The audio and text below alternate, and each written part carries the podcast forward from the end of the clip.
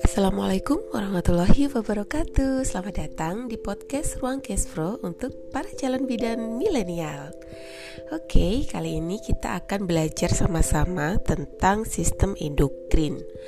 Jadi di dalam tubuh kita itu ada dua sistem komunikasi dan sistem kontrol Yaitu sistem endokrin dan juga sistem saraf Nah, sistem endokrin dan sistem saraf ini kerjanya secara bersama-sama untuk mengkoordinir, mengatur, dan menyesuaikan fisiologi dalam tubuh atau fisiologi internal sebagai respon terhadap perubahan di lingkungan eksternal. Nah, bedanya apa? Kalau sistem saraf cenderung bereaksi dalam situasi yang memerlukan respon segera. Contohnya, ketika kita merasa kedinginan, maka tubuh eh, secara cepat akan memberikan reaksi menggigil. Sedangkan pada sistem endokrin ini fungsinya untuk mempertahankan eh, fungsi tubuh untuk periode yang lama uh, di dalam tubuh kita sebetulnya ada banyak sekali uh, daur atau siklus. Sebagai contoh nih, salah satunya adalah siklus haid dan hampir semuanya ini uh, diatur oleh kerja dari sistem hormon. Nah, jadi sebetulnya apa yang dimaksud dengan uh, organ endokrin atau kelenjar endokrin? Ah, jadi yang dimaksud uh, dengan kelenjar atau organ endokrin itu adalah kelenjar yang memproduksi perantara kimiawi atau chemical messenger atau yang disebut dengan hormon untuk mengatur dan menimbulkan reaksi. Nah, hormon-hormon itu tadi dilepaskan dalam darah, kemudian diangkut menuju sel sasaran. Makanya, ada yang menyebut kelenjar endokrin itu sebagai kelenjar buntu, karena memang dia tidak mempunyai saluran, tetapi langsung masuk ke dalam darah yang beredar dalam jaringan tubuh kita yang termasuk dalam organ endokrin contohnya adalah hipotalamus, hipofisis, paratiroid, tiroid, kemudian kelenjar adrenal, pankreas, ovarium dan juga testis. Nah, sekresi internal adalah suatu proses penting seperti insulin dari kepulauan Langerhans di dalam pankreas, kemudian gastrin di dalam lambung, estrogen dan progesteron di dalam ovarium, dan testosteron di dalam testis. Adanya suatu kelainan atau suatu penyakit ini bisa jadi e, karena diakibatkan produksi hormon yang mungkin terlalu banyak atau mungkin terlalu sedikit. Oke, mari kita bahas satu persatu tentang kelenjar endokrin. Yang pertama yaitu kelenjar hipofisis. Kelenjar hipofisis ini letaknya di dasar tengkorak, di dalam fossa hipofisis tulang stenoid. Kelenjar hipofisis terdiri dari dua lobus, ada lobus anterior dan lobus posterior. Kemudian di antara dua lobus ini eh, namanya adalah pars intermedia. Lobus anterior dari kelenjar hipofisis ini menghasilkan beberapa hormon seperti hormon tirotropik, ACTH, hormon pertumbuhan, dan hormon gonadotropin. Hormon tirotropik atau thyroid stimulating hormone atau disingkat dengan TSH ini fungsinya untuk mengendalikan kegiatan kelenjar tiroid dalam menghasilkan tiroksin.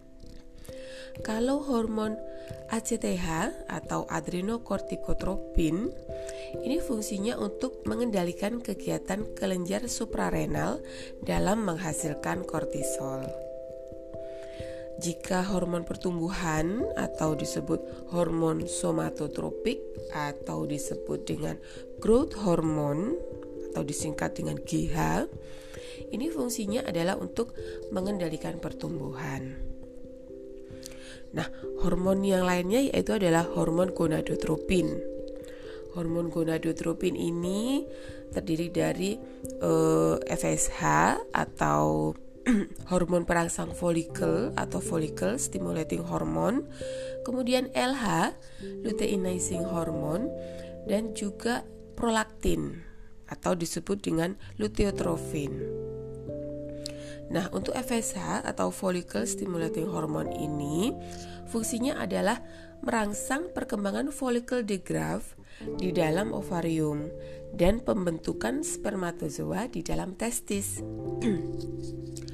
Kemudian kalau LH atau luteinizing hormone atau disebut dengan interstitial cell stimulating hormone atau ICSH Fungsinya adalah untuk mengendalikan sekresi estrogen dan progesteron di dalam ovarium dan juga mengendalikan sekresi testosteron di dalam testis. Kemudian kalau prolaktin ini adalah e, fungsinya untuk mengendalikan sekresi ASI dan mempertahankan korpus luteum selama masa kehamilan. Nah, itu tadi adalah hormon-hormon dari lobus uh, anterior dari kelenjar hipofisis. Kemudian kalau uh, dari lobus posterior dari kelenjar hipofisis ini menghasilkan dua hormon yaitu ADH atau antidiuretik hormon dan juga hormon oksitosin. ADH sendiri ini fungsinya untuk mengatur jumlah air yang melalui ginjal Kemudian kalau hormon oksitosin ini ini adalah untuk merangsang pengeluaran ASI dan juga merangsang kontraksi uterus saat proses persalinan.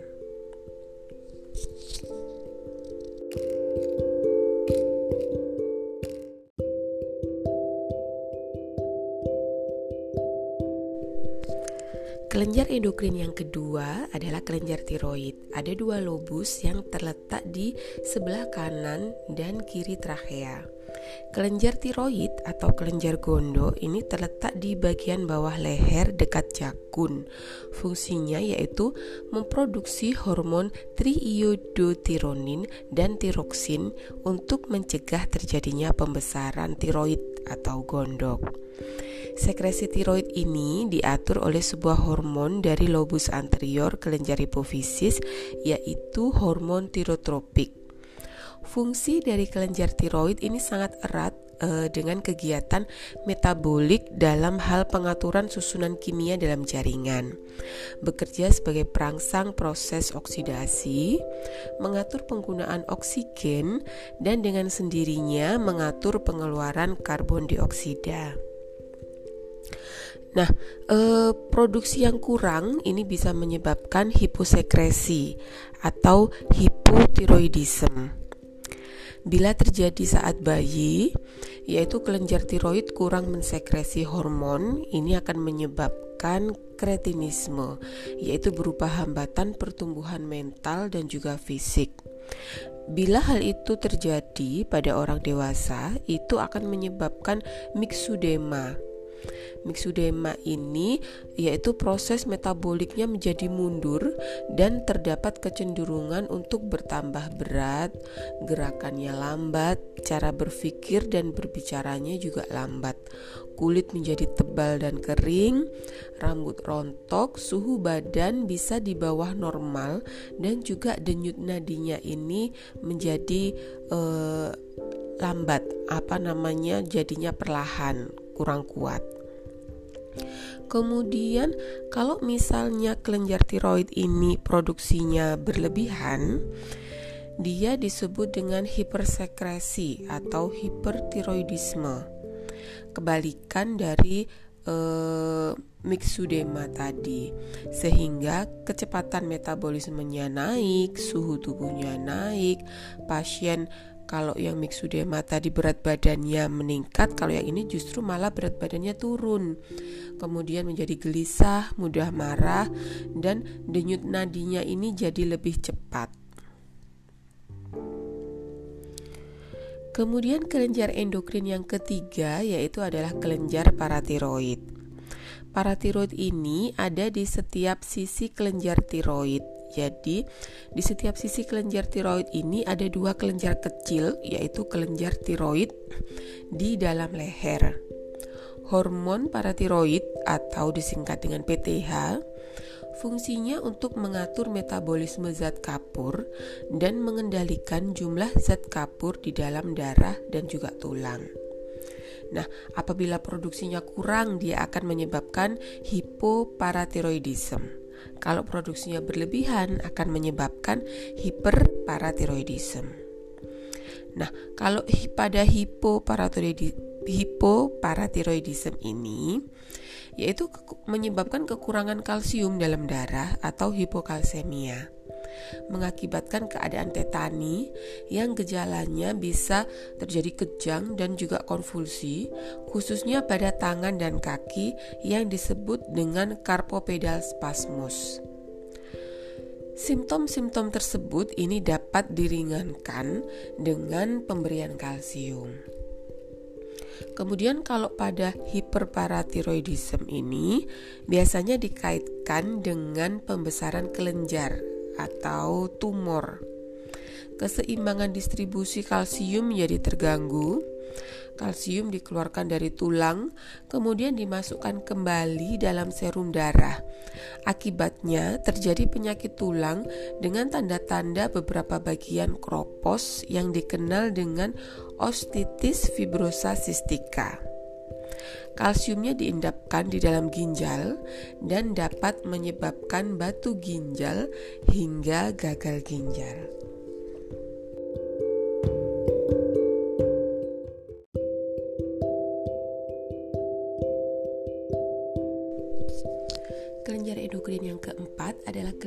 Adrenal.